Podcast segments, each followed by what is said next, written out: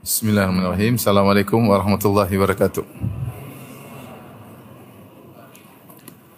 Alhamdulillahi ala ihsani wa syukru lahu ala taufiqihi wa amtinani wa asyhadu an la ilaha illallah wahdahu la syarika lahu ta'ziman li sya'nih wa asyhadu anna Muhammadan abduhu wa rasuluhu da'ila ridwani Allahumma salli alaihi wa ala alihi wa ashabihi wa ikhwani Hadirin dan hadirat yang dirahmati oleh Allah Subhanahu wa taala kita lanjutkan bahasan kita dari kitab Al-Adabul Mufrad karya Al-Imam Al-Bukhari rahimahullahu taala. Kita masuk pada hadis berikutnya. Masih dalam bab jazaul jazail walidain ya. Uh, hadis berikutnya Al-Imam Al-Bukhari berkata rahimahullahu taala Qala haddathana Abdullah bin Salih qala haddathani Laitsu qala haddathani Khalid bin Yazid an Sa'id bin Abi Hilal an Abi Hazim an Abi Murrah maula Aqil anna Abu Hurairah kana yastakhlifuhu Marwan. Bahwasanya Abu Hurairah dahulu ditugaskan oleh Marwan. Artinya kalau Marwan ibn Hakam sedang pergi keluar kota Madinah maka beliau dijadikan sebagai penggantinya, di istikhlaf yaitu digantikan sebagai pemimpin kota Madinah. Wa kana yakunu bidil Hulaifah dan tempat tinggalnya Abu Hurairah adalah di Dzul Hulaifah. Hulaifah ma'ruf tempat mikotnya kota ahli Madinah yang sekarang dikenal dengan Abyar Ali atau Bir Ali Dzul Hulaifah. Fakanat ummuhu fi baitin wa huwa fi akhar. Ibunya juga tinggal di situ tapi di rumah yang lain. Dia di satu rumah, ibunya di rumah yang lain. Qala fa idza arada an yakhruja waqafa ala babiha. Jika Abu Hurairah radhiyallahu anhu ingin keluar atau pergi, maka dia menghampiri rumah ibunya kemudian berdiri di hadapan pintu rumah ibunya. Faqala kemudian beliau berkata, "Assalamu alayki ya ummatah wa rahmatullahi wa barakatuh." Yaitu dia mengucapkan salam kepada ibunya di pintu rumah ibunya karena ibunya lagi dalam rumah dengan berkata assalamu alayki ya ummata.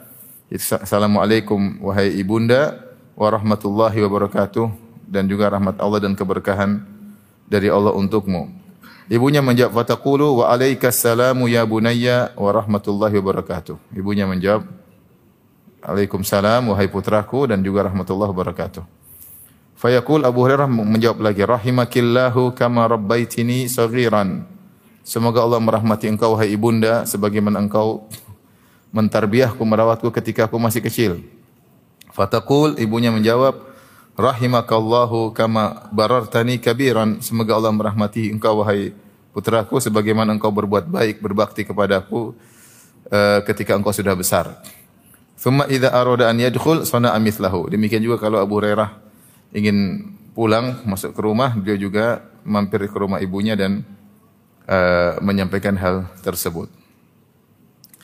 Ini hadis uh, ada perselisihan di kalangan para ulama ya. Sebagian ulama seperti Syekh Albani rahimahullahu taala menyatakan hadis ini hadis yang lemah karena dalam sanatnya ada perawi bernama Sa'id bin Abi Hilal Al-Laitsi. Wa kana dia telah ikhtilat. Ikhtilat itu setelah berubah perawi bisa jadi dia sah, dia siqah tapi kemudian terjadi perubahan di akhir hayatnya. Makanya dikatakan waqad ikhtalata telah rancu ya bisa jadi misalnya di akhir hayatnya dia sudah tua. Ketika sudah tua hafalannya berubah-ubah dia sering lupa maka dilihat. Jika periwayatan hadisnya di masa mudanya maka dikatakan hadisnya sahih.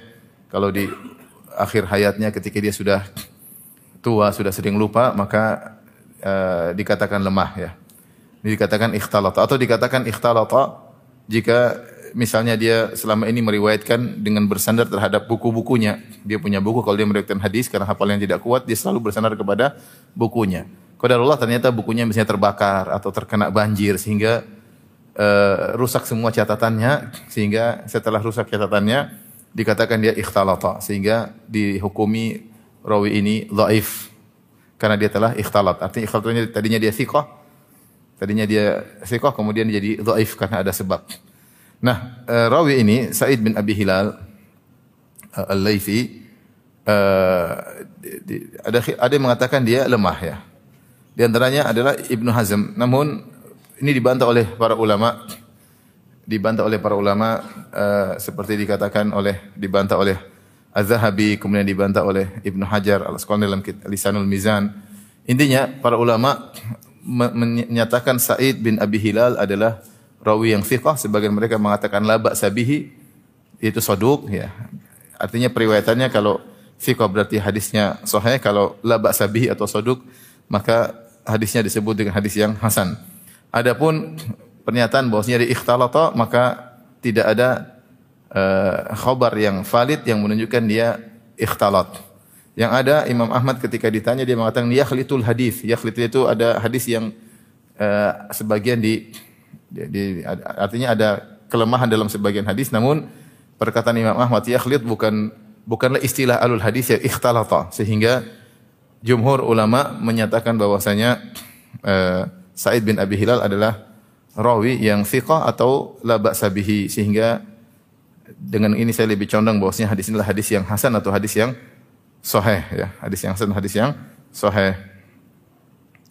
Taib kita jelaskan tentang makna hadis ini ya. Jadi Abu Hurairah radhiyallahu taala anhu adalah orang yang mulia eh, selain dia ahli ilmu, dia juga pandai apa namanya eh, mengatur eh, sehingga Marwan ibn al-Hakam kalau pergi keluar kota Madinah atau menugaskan dia untuk menjadi uh, penguasa di kota Madinah. Ya. Itulah Abu Hurairah radhiyallahu taala anhu. Meskipun beliau adalah orang yang ditugaskan untuk uh, penguasa di kota Madinah, namun beliau tetap berbakti kepada ibunya ya. Dan beliau tinggal di suatu daerah Zulhulaifah ya. Itu di uh, di Bir Ali ya, di Bir Ali.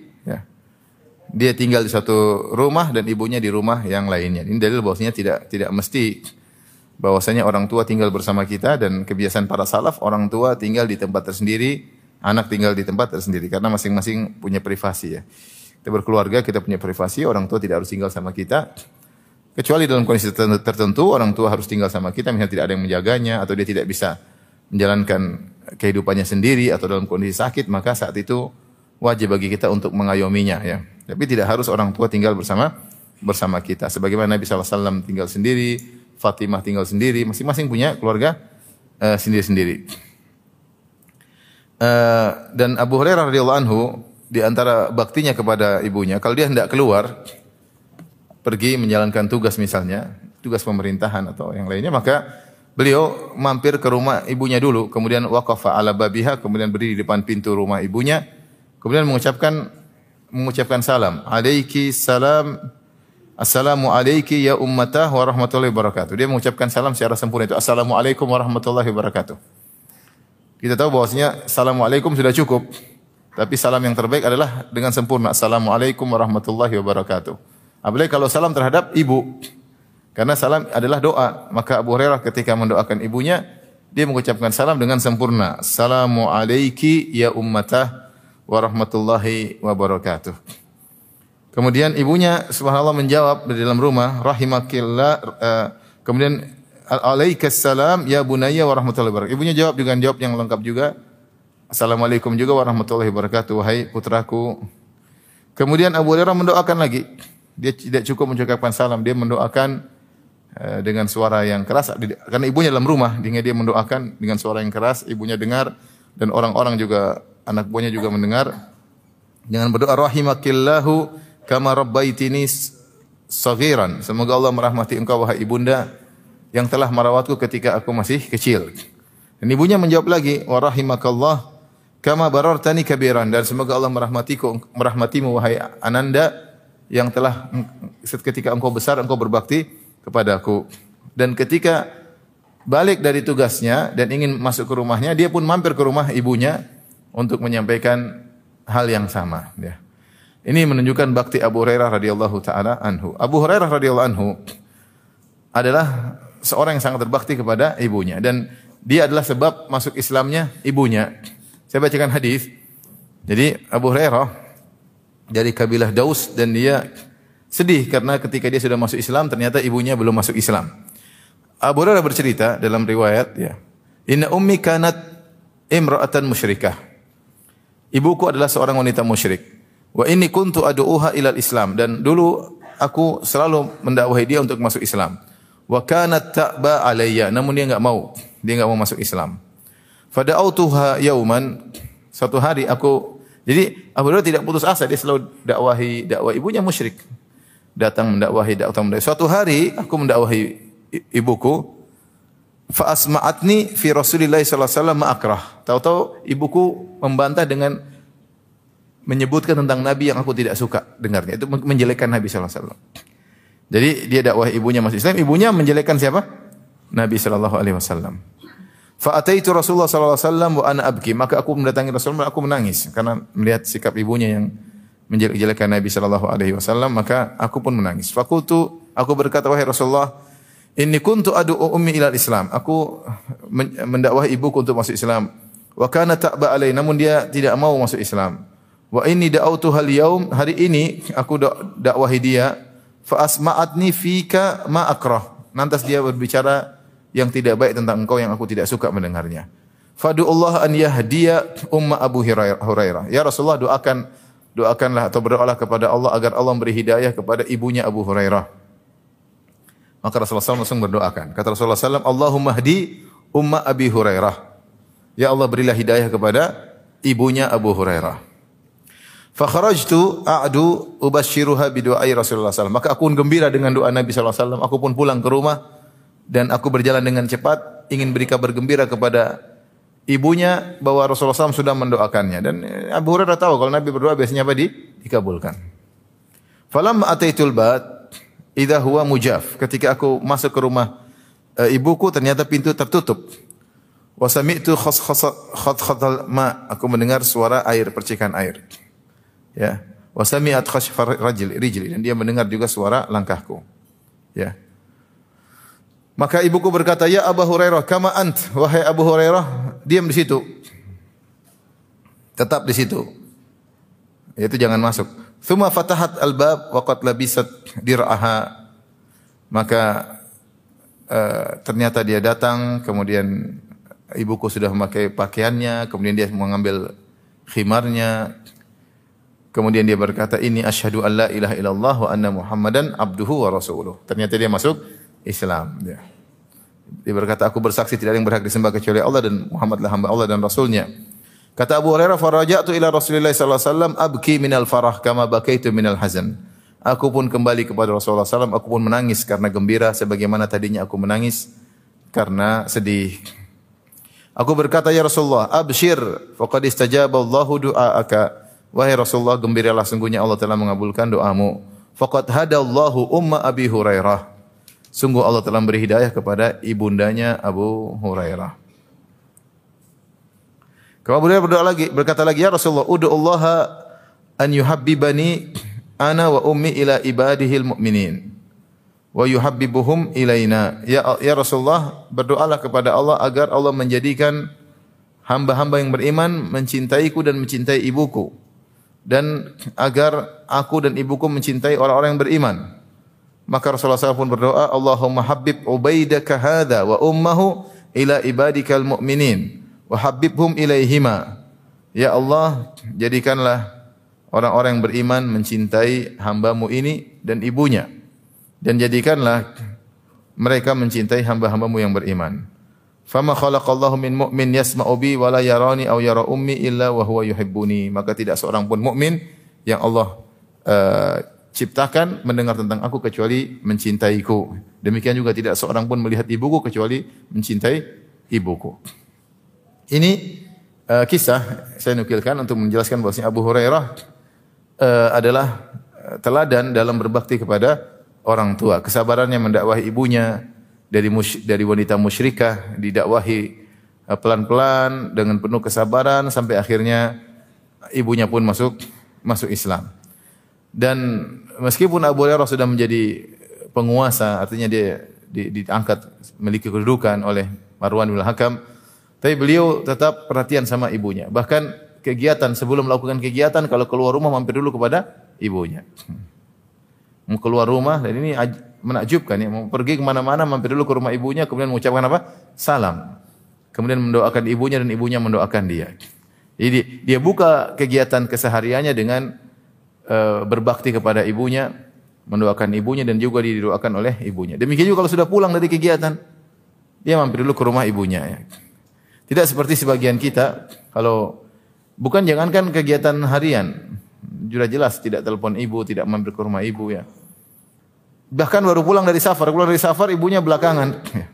Pulang dari safar, dari umroh, kayak dari mana, nanti ke rumah ibunya belakangan. Ya. Mungkin sudah lima hari, tiga hari baru mampir ke rumah ibunya. Sementara ibunya menanti rindu bertemu dengan dia, ingin mendengar cerita tentang apa yang dia dapatkan ketika selama perjalanan. Tentu menarik mendengar anaknya bercerita ya. Tetapi sebagian kita kalau pulang ibunya nanti belakang, orang tuanya belakang. Abu Hurairah radhiyallahu anhu setiap hari.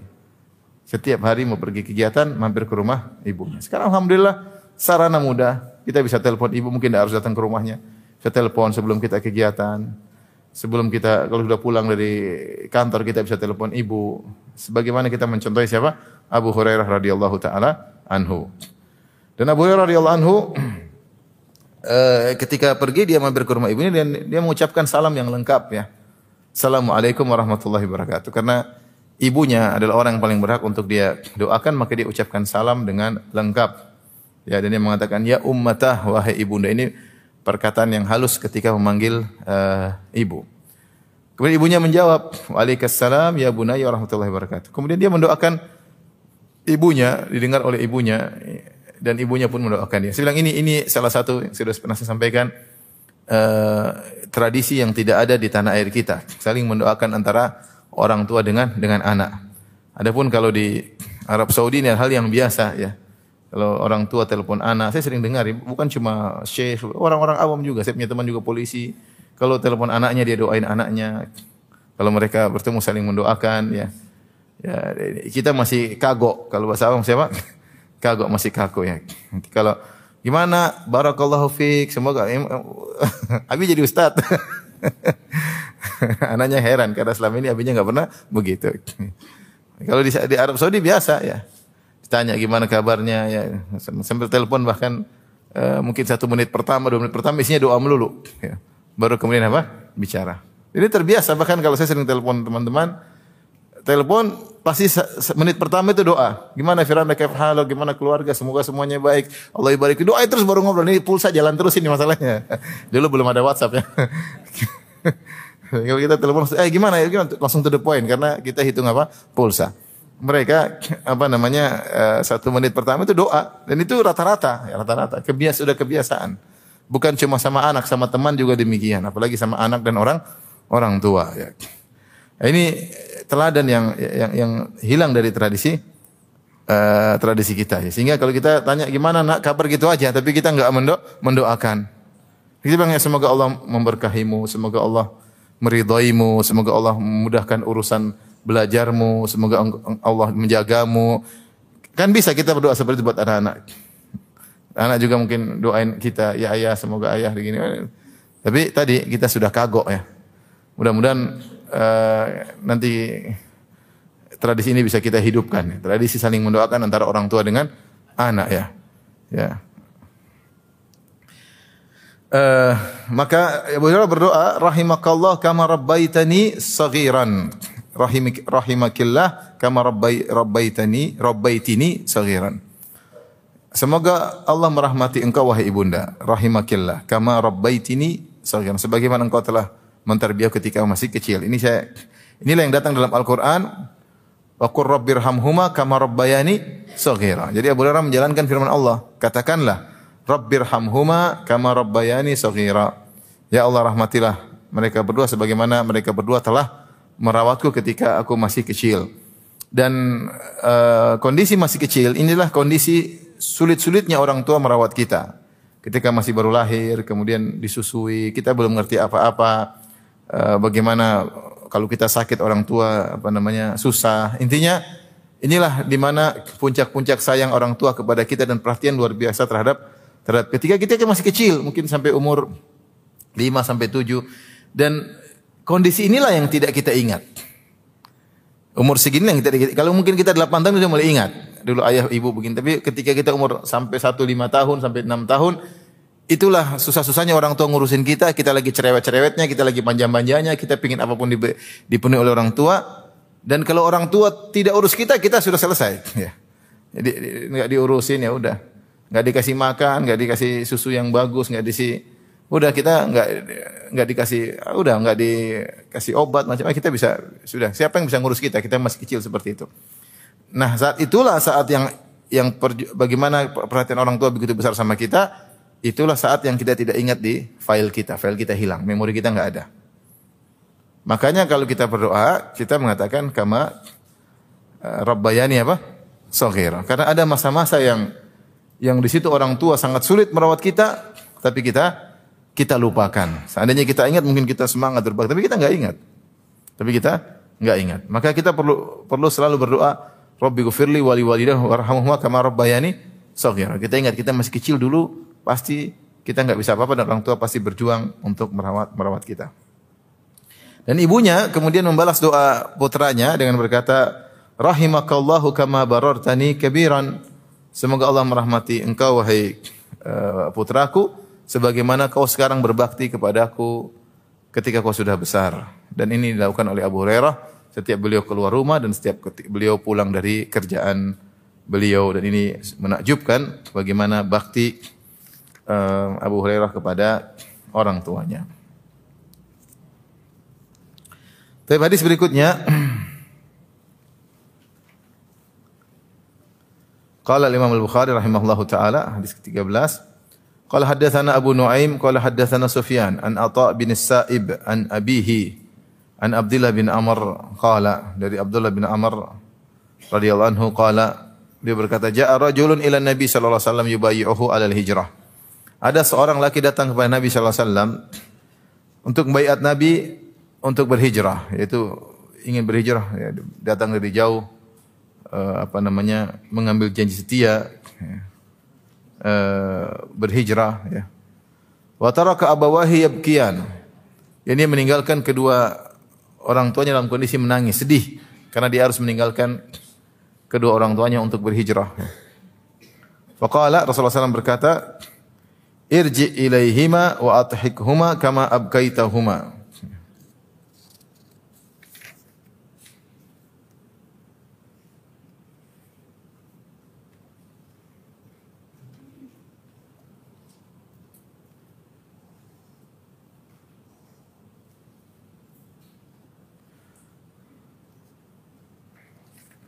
Maka uh, Rasulullah SAW berkata, kembalilah kepada mereka berdua dan buatlah mereka berdua tertawa sebagaimana engkau telah membuat mereka berdua menangis ya. Sebagaimana engkau telah membuat mereka berdua menangis. Ya.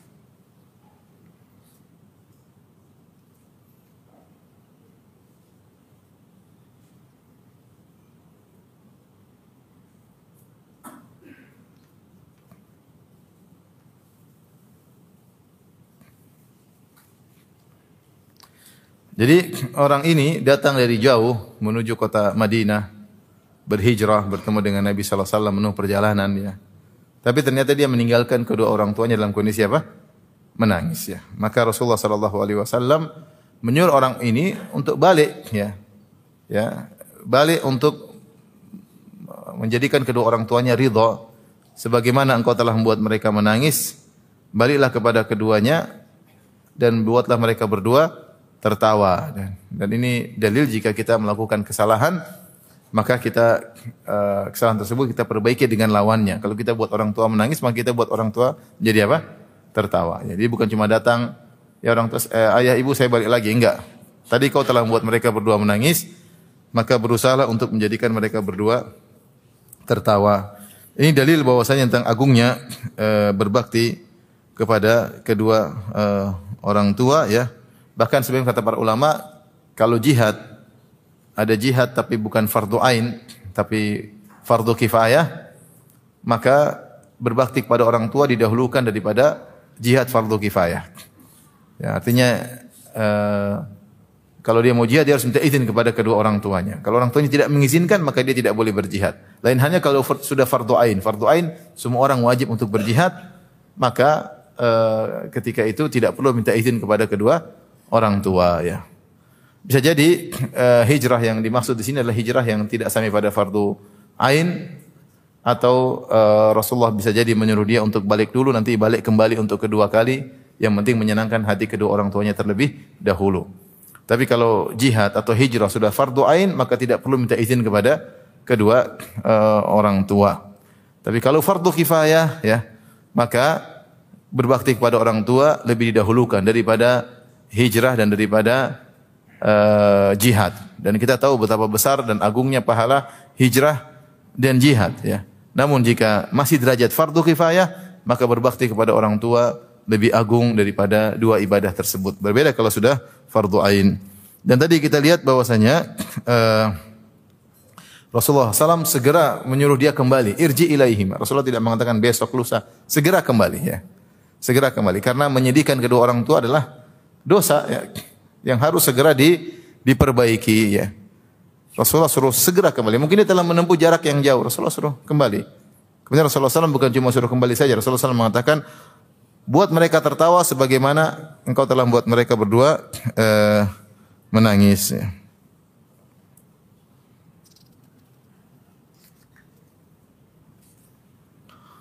Baik, kita lanjut hadis berikutnya. Hadis berikutnya masih terkait kembali dengan uh, kisah Abu Hurairah. Namun datang dalam riwayat yang disepakati akan sahihnya ya kalau riwayat pertama tadi ada khilaf, kali ini riwayatnya sahih. Syekh Albani rahimahullah juga uh, menghasankan riwayat ini. Al-Imam Al-Bukhari rahimahullah berkata qala hadatsana Abdurrahman ibnu Syaibah qala akhbarani ibnu Abil Fudayk qala haddatsani Musa an Abi Hazim anna Aba Murrah maula Ummi Hani binti Abi Talib akhbarahu annahu rakiba ma'a Abi Hurairah ila ardihi bil aqiq. Ya. Uh, dari Abu Murrah maula Ummi Hani binti Abi Talib dia mengabarkan bahwasanya dia pernah uh, rakiba ma Abi Hurairah itu berjalan bersama Abu Hurairah ya menaik tunggangan menuju ke tempat tinggalnya Abu Hurairah bil Aqiq di Al Aqiq. Al-Aqiq itu seperti lembah, bisa jadi maksudnya yang ada di Dzul Hulaifah. Ya. Yang lembah tersebut lembah yang berkah karena sudah dijelaskan pada riwayat yang sebelumnya rumah Abu Hurairah letaknya di Dzul Hulaifah yaitu di Bir Ali tempat miqat. Ya.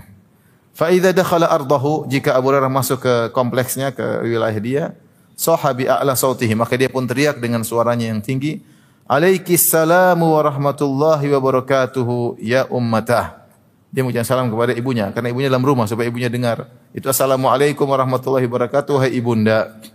Maka ibunya dari dalam rumah mendengar kemudian juga berteriak wa alaikassalam warahmatullahi wabarakatuh. Selamatan bagi engkau wahai ananda. Yaqul kemudian Abu Hurairah berdoa rahimakillah rabbaitini saghiran. Semoga Allah merahmati engkau wahai ibunda karena engkau telah merawatku ketika masih kecil. Kemudian ibu ibunya berkata, "Ya bunayya wa anta fajazakallahu khairan." Engkau juga wahai putraku, semoga Allah membalas membalas kebaikan bagimu. Wa radiya anka dan semoga Allah meridaimu. Kama barartani kabiran sebagaimana ketika kau sudah dewasa kau berbakti kepada aku. Ya. Qala Musa ya, sang perawi, kana ismu Abi Hurairah Abdullah bin Amr. Nama Abu Hurairah adalah Abdullah bin Amr, itu nama Islamnya. Adapun nama ketika dia masih musyrik namanya Abdul Syams. Abu Hurairah dalam riwayat yang sahih mengatakan saya, nama saya dulu ketika masih musyrik apa? Abdul Syams. Kemudian diganti namanya karena Abdul Syams adalah makna yang buruk, hamba matahari. Hamba matahari. Abdul Syams. Ketika masih Islam dia rubah namanya. Adapun nama Abu Hurairah ketika sudah Islam maka khilaf yang panjang di kalangan para ulama. Ada yang mengatakan Abdullah bin Amr, ada yang mengatakan Abdurrahman bin Sakhr, Intinya ada khilaf tentang nama. Adapun Abu Hurairah adalah kunyahnya. Kunyahnya. Jadi namanya nama dia nama ketika masih kafir Abdul Syams. Ketika sudah masuk Islam namanya ada khilaf, ada yang mengatakan Abdullah bin Amr, ada yang Abdurrahman bin Sakhar. Intinya banyak nama, tapi namanya dia rubah menjadi nama Islami. Adapun kunyahnya siapa? Abu Hurairah. Abu Hurairah.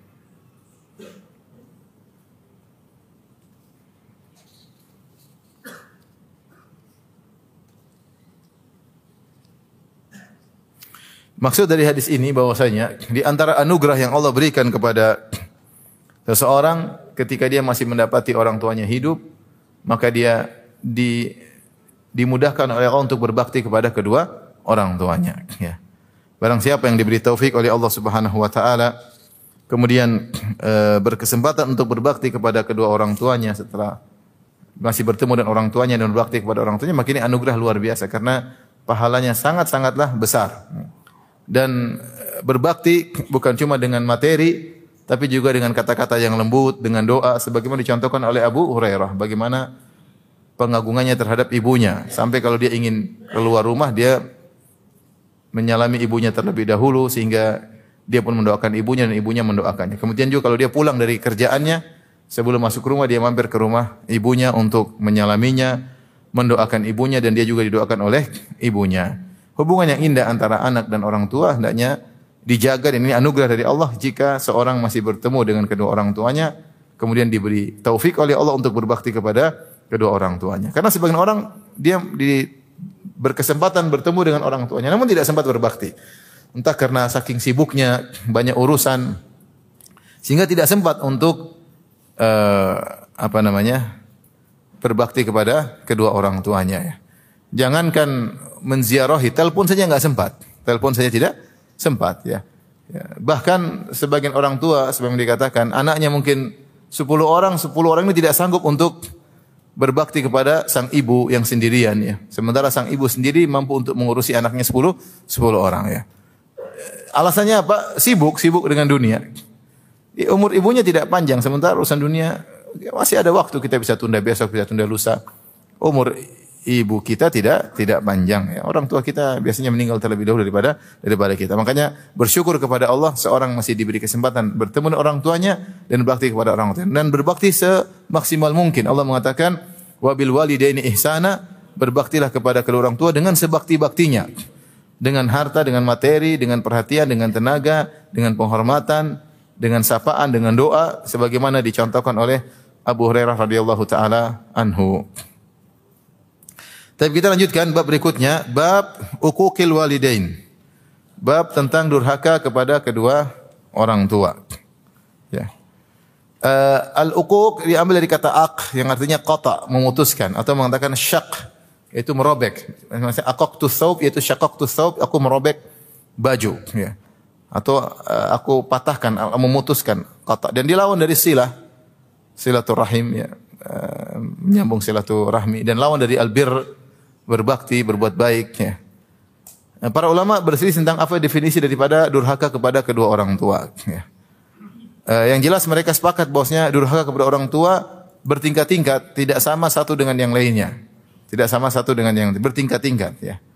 Tetapi apa itu makna daripada durhaka kepada orang tua? Dan mereka sepakat namanya durhaka kepada orang tua yaitu memutuskan sambungan silaturahmi kepada orang tua tidak berbuat baik kepada kedua orang tua. Orang tua dicuekin, tidak disambung, ya.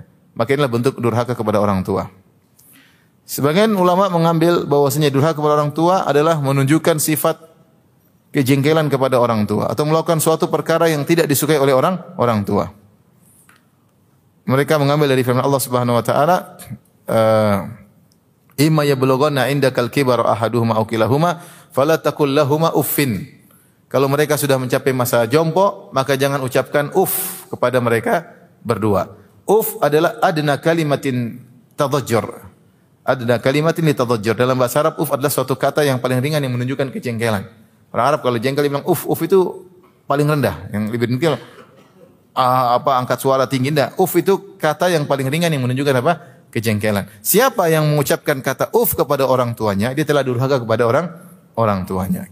Sehingga durhaka adalah melakukan perbuatan yang menunjukkan kejengkelan, tidak suka dengan orang tua, dengan sikap apa pun, dengan perkataan seperti uf, dengan perbuatan seperti bermuka masam ke hadapan orang tua, atau memandang orang tua dengan pandangan sinis, ini semua bentuk durhaka. Semua bentuk apa? Durhaka. Dengan mengangkat suara, wala tanharhuma, kata Allah jangan kau angkat suara di hadapan mereka, bentak suara, ya. Maka semua kegiatan yang menunjukkan rasa jengkel pada orang tua itulah durhaka. Ini durhaka yang paling rendah. Ya. Lebih daripada itu durhakanya lebih lebih besar ya. ya. Lebih daripada durhakanya lebih lebih besar ya. Dan durhaka adalah dosa yang sangat besar ya.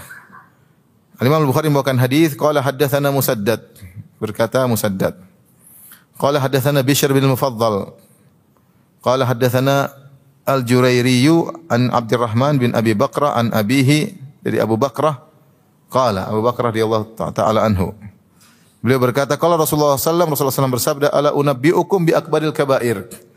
Maka aku kabarkan kepada kalian tentang dosa yang paling besar di antara dosa-dosa besar. Salasan, tiga kali. Rasulullah mengucap tiga kali. Maukah aku kabarkan kepada kalian tentang dosa paling besar di antara dosa-dosa besar? Maukah aku kabarkan kepada kalian tentang dosa paling besar di antara dosa-dosa besar? Qalu bala ya Rasulullah. Mereka berkata, tentu ya Rasulullah. Rasulullah berkata, pertama, isyraku billah. Yang pertama adalah syirik kepada Allah. Yang kedua, ukukul walidin, durhaka kepada kedua orang tua. Wa jalasa wa kana muttaqian. Ketika Rasulullah menyebutkan dua dosa pertama, syirik dan durhaka kepada orang tua, Rasulullah SAW kondisi muttaqi yaitu bersandar, bertelekan, duduk santai. Kemudian Rasulullah duduk serius, wa jalasa wa kana muttaqian. Sebelumnya beliau bertelekan, kemudian beliau duduk, kemudian berkata ala wa qaulu zur. Yang ketiga adalah saksi palsu, perkataan dusta, Mazala yukarriruha hatta qultu laitahu sakat. Rasulullah SAW ulangi terus. Qaulu zur, persaksian palsu, perkataan palsu, perkataan dusta. Sampai kata Abu Bakrah, Rasulullah mengulang-ulanginya sampai aku berkata seandainya Rasulullah SAW berhenti. Hadis hadis yang sahih ya. Dan ada dalam Sahih Bukhari dan juga dalam Sahih Sahih Muslim. Hadis ini menjelaskan berapa faedah pertama mengenali dosa-dosa besar itu perlu. Makanya Rasulullah mengatakan ala unabbiukum bi akbaril kabair. Maka aku kabarkan kepada kalian tentang dosa-dosa besar. Berarti perlu bagi kita untuk mengenal apa saja dosa-dosa besar ya. Kita tidak tidak hanya mengenal kebaikan, kita juga perlu mengenal keburukan untuk kita jauhi ya.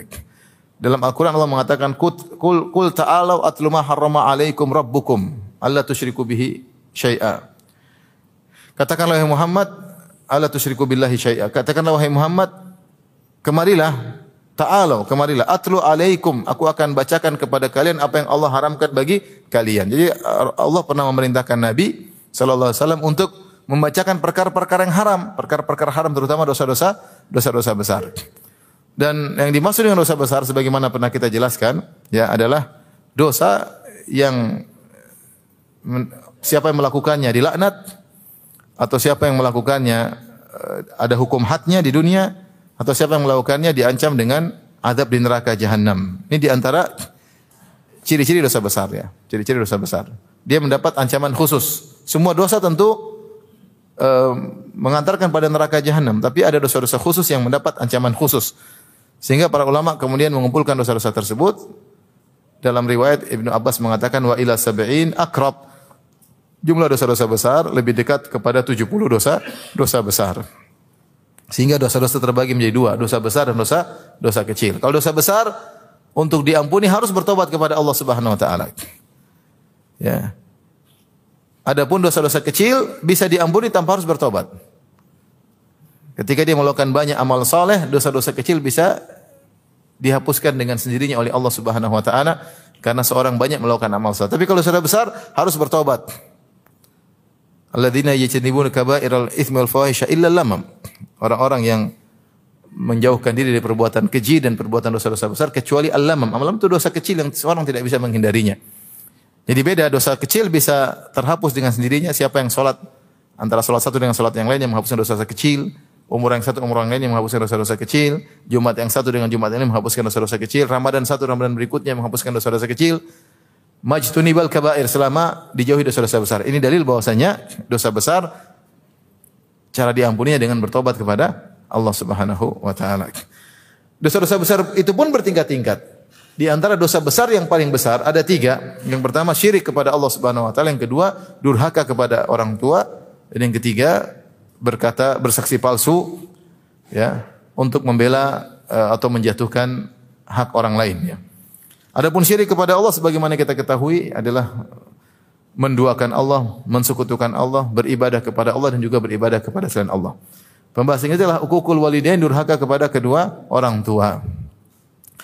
Durhaka kepada orang tua eh, dosa besar karena hak yang paling besar hak hamba terhadap kita yang paling besar adalah hak kedua orang orang tua. Makanya Allah menggandengkan antara hak Allah dengan hak orang tua dalam banyak ayat. Di antaranya wa qadha rabbuka alla ta'budu illa iyyahu wa bil walidaini ihsana. Allah menetapkan bertauhidlah kepada Allah dan berbaktilah kepada kedua orang tua. Allah menggandengkan kewajiban bertauhid dan kewajiban berbakti. Kemudian Allah juga berfirman, "Anishkurli wali walidaika ilayyal masir." Bersyukurlah kepadaku dan bersyukurlah kepada kedua orang tua. Artinya berterima bersyukurlah kepada Allah dan berterima kasihlah kepada kedua uh, orang tua. Di sini Allah juga mengingatkan bahwasanya wajib bersyukur kepada Allah dan wajib untuk bersyukur kepada kedua orang tua dengan berterima kasih kepadanya dengan berbakti kepada kedua kedua uh, orang tua. Karena orang yang paling punya jasa dalam kehidupan kita adalah kedua orang tua. Nah, ketika orang yang paling punya jasa tersebut ternyata kita balas dengan ukuk, dengan durhaka, dengan berbuat buruk kepadanya dan tidak berbuat kebaikan kepadanya, kita putuskan silaturahmi maka ini terjerumus dalam dosa dosa besar bahkan dosa yang paling besar setelah syirik kepada Allah Subhanahu wa taala. Seorang waspada, berusaha dalam kehidupan ini tidak bermasalah sama orang tuanya sama sekali. Kalau dia ditakdirkan bermasalah sama orang tua, dia tetap jaga perkataan. Jangan menampakkan wajah kebencian, jangan memandang dengan pandangan sinis. Ini ujian. Mungkin orang tuanya maki-maki dia sabar aja, sabar. Iya bu, iya bukan begitu bu. Kalau dia bantah dengan kata-kata yang yang halus, bukan begitu maksudnya bu. Saya maksudnya bukan begitu. Ibu mungkin salah paham. Ibu jangan seudan sama saya bu. Begitu. Tapi jangan ibu jangan jangan angkat suara. Jangan ingat dia ini yang rawat kita ketika masih kecil. Kita dalam dalam kandungannya. Sehingga kalau kita lagi masalah sama orang tua, ayah maupun ibu, sementara dia nyerang, mereka menyerang kita, sabar. Ingat ini perintah Allah Subhanahu wa taala. Kita sabar, argo pahala jalan terus. argo pahala jalan terus. Kan sebagian orang ditakdirkan bermasalah dengan kedua orang tuanya. Entah dia yang salah, entah kedua orang tua yang salah, tapi jangan sampai durhaka apa pun yang yang terjadi. Ya. Yang ketiga, Rasulullah SAW tadinya bertelekan, kemudian Rasulullah SAW duduk menunjukkan Rasulullah SAW serius. Lalu Rasulullah SAW mengatakan, ala wa syahadatu zur, ala wa qawlu zur. Ketahuilah yang ketiga adalah saksi palsu atau perkataan dusta. Ketika Rasulullah SAW tadinya bertelekan kemudian duduk, bukan berarti bersaksi palsu lebih besar dosanya daripada syirik dan durhaka, tidak. Tapi Rasulullah SAW serius karena ini banyak terjadi.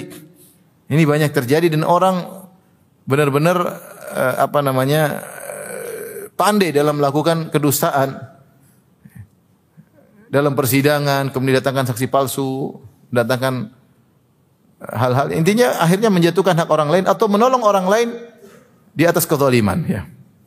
Maka seorang tidak boleh bersaksi palsu ya. Dia mengucapkan harus yang jujur. Sebagian orang terkadang niatnya saya ingin tolong dia. Terus dia menjadi saksi palsu ya. Kau tolong dia tapi kau mencelakakan dirimu. Ya. Ini dosa Rasulullah SAW serius Rasulullah, Rasulullah ulang-ulang.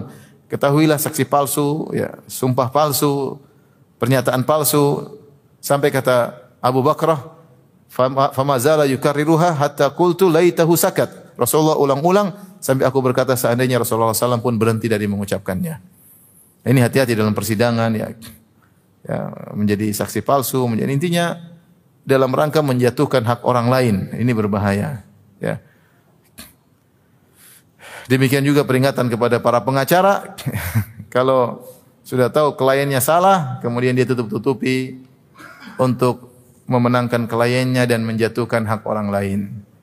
Hati-hati. Waliyadzubillah ya. Dapat uang habis uang beli rumah, beli mobil, kemudian selesai, kemudian mati, urusannya panjang di alam barzakh dan urusannya panjang di di padang mahsyar ya. Ya. Kalau berkaitan dengan hak orang lain, kita harus jujur. Kalau dia salah, maka salah. Kalau dia benar, kita bela. Jangan sampai dia salah, kemudian kita bela ya. Harus hukumannya begini, kita bela-bela sehingga hukumannya diringankan. Padahal dia harusnya dihukum dengan hukuman yang berat. Saya telah menolong dia, bukan kau menolong dia. Kau tolong dia tapi kau menjerumuskan di dirimu dalam neraka jahanam hanya karena secercah dunia yang juga habis. Jadi buat apa? Dapat satu miliar, dua miliar buat, buat makan, terus buat makan, beli mobil, rumah. Dapat lagi miliar buat apa lagi? Sudah, paling disimpan di di bank, uang ditumpuk sebagaimana tumpukan dosa. Ya. Uangnya berbunga, dosanya juga berbunga. Waliyadzubillah. Ini kehidupan cuma sebentar ya. Saya ketemu dengan sebagian pengacara, tobat. Tobat. Ya Ustaz, ini hasil semuanya, hasil keburukan dulu. Kau jadi pengacara, pengacara yang benar, bela kebenaran. Kalau kliennya salah, jangan dibela. Tapi pengacara mana punya duit kalau nggak bela ke eh, kebatilan. Kalau dia tidak bisa bela kejahatan, dia tidak punya duit. Berarti kurang canggih pengacaranya. Eh, ini hati-hati jadi pengacara. Kalau bela kebaikan dapat pahala. Tapi kalau bela kebatilan hanya karena duit, ya dapat duit tidak berkah. Dapat duit tidak berkah. Urusannya panjang di alam barzah dan di padang mahsyar. Wal billah. Sama saksi palsu. Kenapa saksi palsu dosanya besar? Karena dia menjatuhkan hak orang orang lain. Sama dengan pengacara. Ya.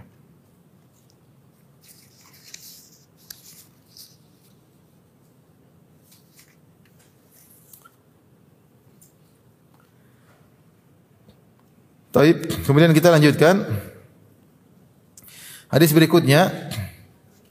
Imam Al-Bukhari rahimahullah berkata, qala haddatsana Muhammad bin Salam qala akhbarana Jarir an Abdul Malik bin Umair an Warrad katib al-Mughirah bin Syu'bah. Qala kataba Muawiyah ila al-Mughirah. Dari Warrad yaitu sekretarisnya Mughirah bin Syu'bah dia berkata, kata Muawiyah ilal Mughirah. Muawiyah bin Abi Sufyan menulis surat kepada Mughirah al-Mughirah bin Syu'bah. Uktub ilayya bima sami'ta min Rasulillah. Tuliskanlah kepadaku hadis yang kau dengar dari Nabi sallallahu alaihi wasallam. Biasa para sahabat dahulu mereka sering berkata, ada hadis enggak pernah dengar suratku, tulislah untukku. Sebagaimana Muawiyah pernah kirim surat kepada Aisyah juga Aisyah, apa yang kau dengar nasihat dari Nabi sallallahu alaihi wasallam kirimkanlah kepada aku. Ya, saling berbagi ilmu. Qala Rawad Fa'amla alayya wa katabtu biyadi. Maka Al-Mughirah bin Syu'bah pun mendiktekan kepada aku karena aku sekretarisnya lalu aku tulis dengan tanganku surat kepada Muawiyah. Kata Al-Mughirah bin Syu'bah, "Inni sami'tuhu yanha an kathratis su'al wa idha'atil mal wa an qil wa qal." Aku mendengar Rasulullah SAW melarang dari banyak meminta dan membuang-buang harta dan dari qila dan qal, katanya dan katanya, katanya dan katanya. Ini hadis-hadis yang hasan, hadis yang hasan. Di sini Al-Mughirah bin Syu'bah menulis surat kepada Muawiyah tentang apa yang pernah dengar dari Nabi SAW. Tiga perkara. An kasratis soal, terlalu banyak meminta atau bertanya, banyak bertanya. atil mal, dan buang-buang harta. Kemudian uh, dan qal, katanya dan katanya. Ya. Apa kaitannya dengan bab yang sedang kita bahas tentang bab ukukul walidain, durhaka kepada orang tua? Ternyata Al-Imam Al-Bukhari tidak mendatangkan riwayat tersebut. Dalam riwayat yang lain ada wa harrama alaikum ukukul ummahat. Allah mengharamkan bagi kalian durhaka kepada para para ibu, ya. Jadi ini di antara metode Al-Imam Al-Bukhari dan ini banyak dilakukan Imam Bukhari dalam Sahih Bukhari. Imam Bukhari sering dalam Sahih Bukhari menyebutkan satu bab Kemudian dia bawakan hadis tidak ada kaitannya dengan judul bab. Harusnya kan kalau bikin judul hadis yang dibawakan dalil sesuai dengan judul. Ternyata ketika kita periksa hadisnya, matannya, kontennya tidak ada kaitan dengan judul. Namun ini sudah diingatkan berulang kali oleh Ibnu Hajar. Ternyata Imam Bukhari menyuruh kita untuk cari hadis dalam jalan yang lain. Yang dalam jalan yang lain ada riwayat yang matannya berkaitan dengan apa judul yang beliau apa bawakan. Dan itu sering metode Al Imam Al Bukhari dalam sahihnya. Sehingga ketika sebagian ulama mengkritik apa kaitannya hadis ini dengan judul bab? Sehingga mereka mungkin Imam Bukhari mungkin lupa mungkin begini mungkin begini. Maka dijelaskan oleh Ibnu Hajar ini metode Imam Bukhari. Betapa sering beliau menyebutkan judul bab kemudian beliau bawa hadis. Hadis tersebut tidak ada kaitannya dengan judul bab. Ternyata dalam riwayat yang lain namun riwayat tersebut mungkin tidak tidak sesuai dengan kriteria Sahih Bukhari yang kriterianya tinggi. Paham ada riwayat yang lain sanatnya lebih rendah menyebutkan matannya terkait dengan judul judul bab. Itu metode Imam Bukhari dalam Sahih Bukhari dan sering beliau lakukan. Demikian juga dalam hadis ini Imam Bukhari menyebutkan bab bab uquqil walidain, durhaka kepada orang tua. Kemudian dia bawa hadis tidak ada kaitannya dengan durhaka kepada orang tua. Yang ada di sini larangan untuk banyak meminta, larangan untuk apa? Buang-buang harta dan larangan untuk apa? Kila wa qal, katanya dan katanya. Ternyata dalam riwayat yang lain ada ada lafal inna Allah harrama alaikum uquqal ummahat. Sungguhnya Allah mengharamkan bagi kalian atas kalian uh, durhaka kepada kedua uh, orang tua ya. Dan nanti akan datang hadisnya tersebut ya. Durhaka kepada uh, ibu ya. Taib Allah Subhanahu wa taala atau Rasulullah SAW mengkhususkan harama alaikum uquqal ummahat sungguhnya Allah mengharamkan bagi kalian durhaka kepada kedua kepada para ibu ya. Uh, Nabi tidak mengatakan durhaka kepada kedua orang tua, tapi Nabi SAW mengatakan ukukul ummahat durhaka kepada para ibu. Dikhususkan ibu tidak disebutkan ayah karena potensi untuk durhaka kepada ibu lebih besar daripada durhaka kepada ayah. Potensi durhaka kepada ibu lebih besar daripada potensi durhaka kepada ayah. Dari beberapa sisi. Pertama, ibu adalah lemah wanita. Sehingga seorang anak bisa saja membentak ibunya, bisa membantah ibunya. Kalau sama ayah dia nggak berani. Dia berani bantah, digampar sama apa? Ayahnya. Sehingga durhaka kepada ibu lebih potensi lebih besar. Uh, yang kedua, uh, anak biasanya lebih segan kepada ayah daripada kepada apa?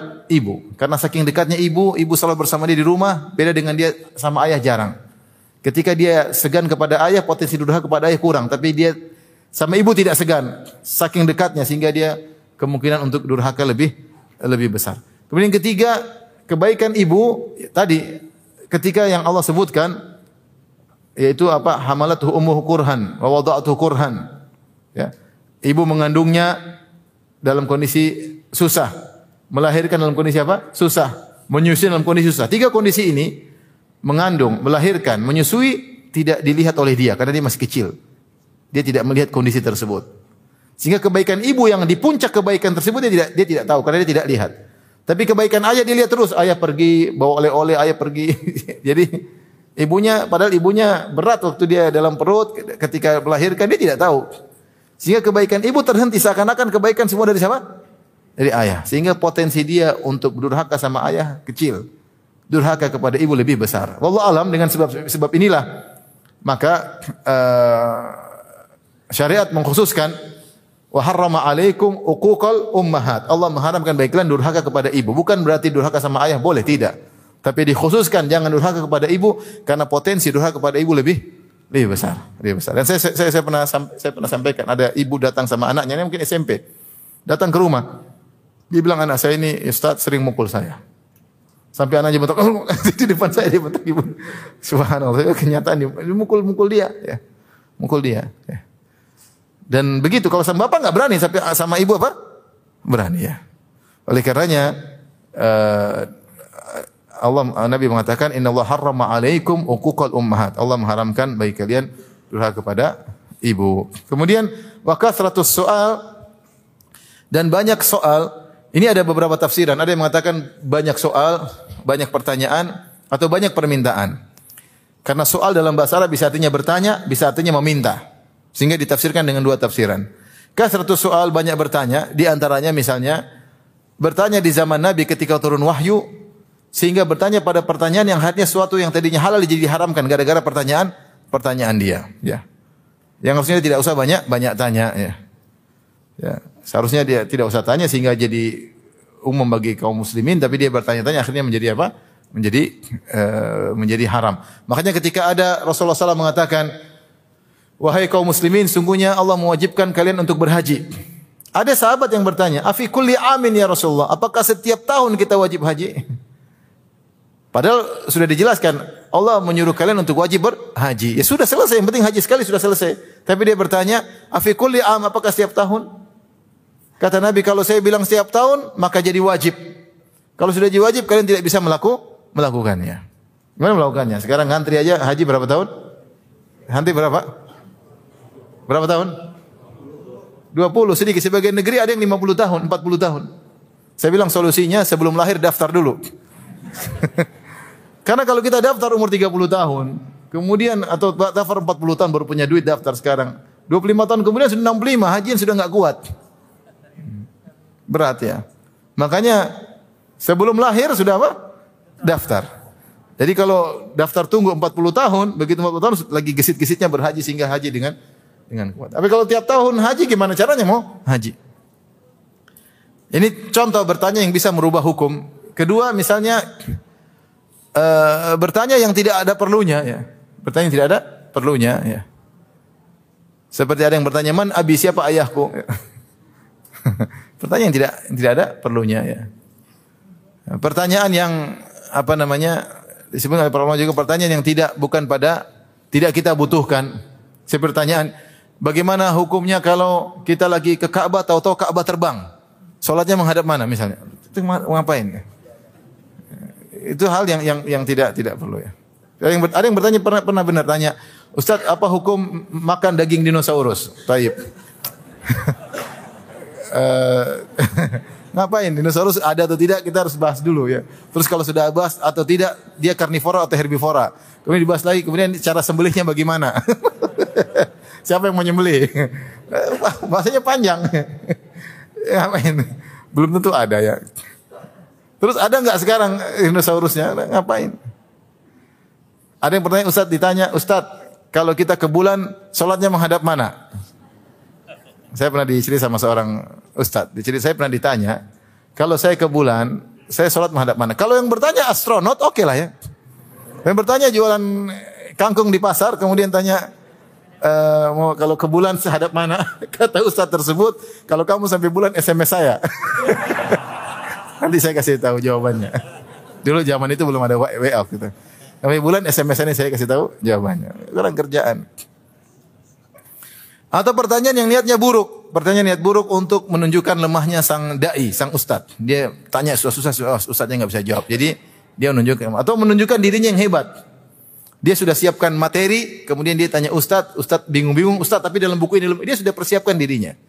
Agar orang terpukul, ternyata pintar nih anak. Walau cuma pintar segitu aja. Cuma dia siapkan ini terjadi ya, terjadi. Dia nyiapkan materi yang panjang. Kita sama ustad, ustad nggak bisa jawab, maka dia komentar, ustad dalam buku ini begini, dalam buku ini begini, dalam buku ini begini.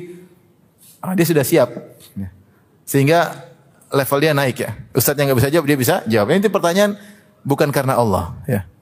Ini pertanyaan nggak benar. Dan bertanya adalah ibadah. Kata Allah fasalu ahla dzikri in kuntum la ta'lamun. Bertanyalah kalau kau tidak ngerti. Ya. Nah, pertanyaan seperti ini tidak diperbolehkan. Atau dimaknakan wakas atau soal terlalu banyak meminta. Seorang jangan suka minta sama orang lain. Ya, jangan suka minta sama orang lain. Berusaha kerjakan sendiri. Jangan suka minta tolong.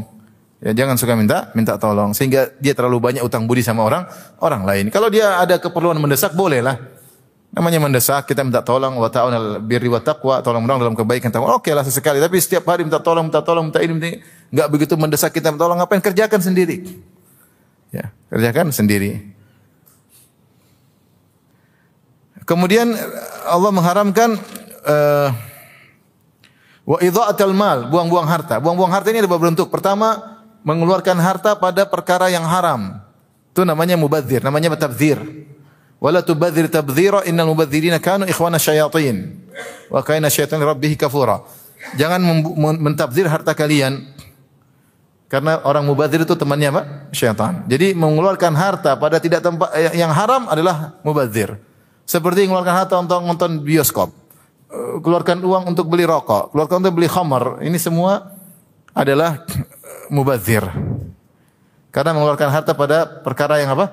Haram. Ya. Perkara yang yang haram. Apalagi beli narkoba, ya, mahal-mahal, haram. Minum khamar dan yang lainnya. Kemudian israf, israf tidak boleh. Israf mengeluarkan harta pada perkara yang halal tapi berlebihan. Israf mengeluarkan harta pada harta mengeluarkan harta untuk perkara yang halal namun ber, berle, berlebihan. Kulu washrabu wala tusrifu. Innahu la yuhibbul musrifin. Makan dan minum tapi jangan berlebihan. Kata kata Nabi wasallam, "Kul washrab wa tasaddaq min khairi makhyalah wala uh, saraf." Min ghairi saraf wala makhyalah. Makan dan minumlah dan belanjalah, gampangannya bahasa kita belanjalah tapi jangan uh, sombong dan jangan ber, berlebihan. Terkadang kita membeli sesuatu Israf berlebih-lebihan, ya, berlebih-lebihan. Tidak perlu. Contoh, membeli mobil harganya 10 M, buat apa? Buat apa? Berlebih-lebihan. Apa kepentingannya? Beli mobil harganya 4 M, 5 M, buat apa? Kalau ada mobil mungkin satu miliar lebih tapi memang nyaman, memang ya, enggak apa-apa diperlukan. Ada keperluan nyaman untuk perjalanan jauh. Ini mobilnya luas, bisa masuk banyak orang, oke okay lah. Tapi mobil sampai 4 M, 5 M, buat apa? Mau karapan sapi atau apa? Ditanya oleh Allah nanti ini kenapa beli mobil mahal-mahal seperti ini? Ya. Ada orang saya punya teman, dia bilang dia punya kawan beli mobil harganya 12 M kalau tidak salah. Kemudian belum setahun dia tidak suka dia jual kembali jadi 8 M rugi 4 M dalam waktu setahun. Setahun. Ya, apa ya? Israf berlebih-lebihan. Beli jam sampai harganya Satu miliar. Jam harganya sampai 500 juta. Ya. Saya waktu ke sempat ke mana? Ke Paris kebetulan waktu diundang, saya jalan sama istri, kemudian ada jam. Saya kalkulatorkan. Ini harga Innova satu ini jam. jam buat apa harga Innova? lihat apa? Lihat lihat lihat waktu HP juga ada, HP Cina yang murah juga bisa. ya, artinya tidak sesuai. Benar dia ada dia keindahan, tapi keindahan tersebut tidak sesuai dengan harganya terlalu mahal. Terlalu apa? Mahal. Ini namanya israf berlebih-lebihan. Ya, ini namanya buang-buang harta dan setiap harta yang kita kita yang kita miliki akan ditanya oleh, oleh Allah dengan dua pertanyaan. Min aina kasabu fima anfaqa? Dari mana kau dapatkan? Ke mana kau habiskan? Punya jamu kau makan asalnya halal atau haram? Halal ya. Tapi kalau berlebih-lebihan tidak tidak boleh. Sebagian ada yang mengatakan saya punya harus saya punya harus jam, jam mahal Ustaz. Dia, dia jawab, dia bilang kenapa? Karena saya konsultan, saya harus ketemu orang, saya harus apa namanya uh, punya jam mahal sehingga mereka percaya. Yang dikira saya? Pembohong. Saya bilang yang penting kau bisa jawab di hadapan Allah Subhanahu wa taala. Jadi kalau ketemu klien sambil begini. saya bilang dua-dua aja, dua begini. Gimana Pak? Jadi jamnya udah kelihatan satu miliar. Gimana Pak kawan? Ya, terus ininya, ini juga ada apa namanya? Penanya juga ada yang mahal ya, macam-macam ya. Terus uh, apa namanya kunci mobil taruh depan gimana pak? ya kadang-kadang ada orang kebutuhan karena kondisi apa uh, apa namanya dia sebenarnya tidak ingin tapi karena kondisi mengharuskan dia demikian ya. Saya pernah berhaji sama kawan dia pakai jamaah saya bilang ya ini kata dia Ustaz saya bisa jawab tenang Ustaz saya kalau Allah tanya saya bisa jawab saya bilang udah lanjut kalau kau bisa jawab lanjut karena pasti ditanya ya. Jadi intinya kalau kita merasa butuh nggak ada masalah meskipun mahal. Kalau kita butuh nggak ada masalah. Dan saya bisa bertanggung jawabkan di depan Allah Subhanahu wa taala. Beli mobil mahal misalnya, tapi untuk perjalanan jauh, mewah apa bisa melewati tempat-tempat yang berat, nggak apa-apa kalau memang dibutuhkan. Tapi jangan sampai kau beli sesuatu yang berlebih-lebihan, israf, berlebih-lebihan, lebih daripada kebutuhan yang di, diperlukan. Ini tidak tidak boleh. Di antara mana itu atil mal yaitu membeli barang kemudian tidak dijaga, tidak dirawat sehingga rusak. Ini nggak boleh juga. Beli mobil banyak tidak dirawat hanya rusak, beli apa tidak dirawat, beli makanan busuk apa segala basi. Kalau nggak nggak nggak nggak perlu kau hadiahkan sama orang atau kau jual. Jangan kau beli barang akhirnya rusak itu namanya buang-buang apa? Harta. Jangan bilang ini uang uang gua, enggak ini uang gua tapi kau akan ditanya oleh Allah Subhanahu wa taala. Dari mana kau dapatkan, ke mana kau habiskan. Dan Allah tidak suka idaatul mal. Antum bayangkan di antara sunnah Nabi SAW kalau makan dijilat jari, faham? Supaya kalau sisa makanan kita makan, supaya tidak buang-buang harta. Artinya kalau kamu tidak makan kasih orang miskin. Jangan kau yang di tangan aja dicuci padahal ini masih bisa dimakan. Agar kita mensyukuri nikmat makanan, ya. Ini malah buang-buang harta jumlahnya banyak dibuang-buang ini tidak boleh. Tapi sampai sini saja. Tapi demikian saja apa yang saya sampaikan. Kalau misalnya maaf, wabillahi taufiq Assalamualaikum warahmatullahi wabarakatuh.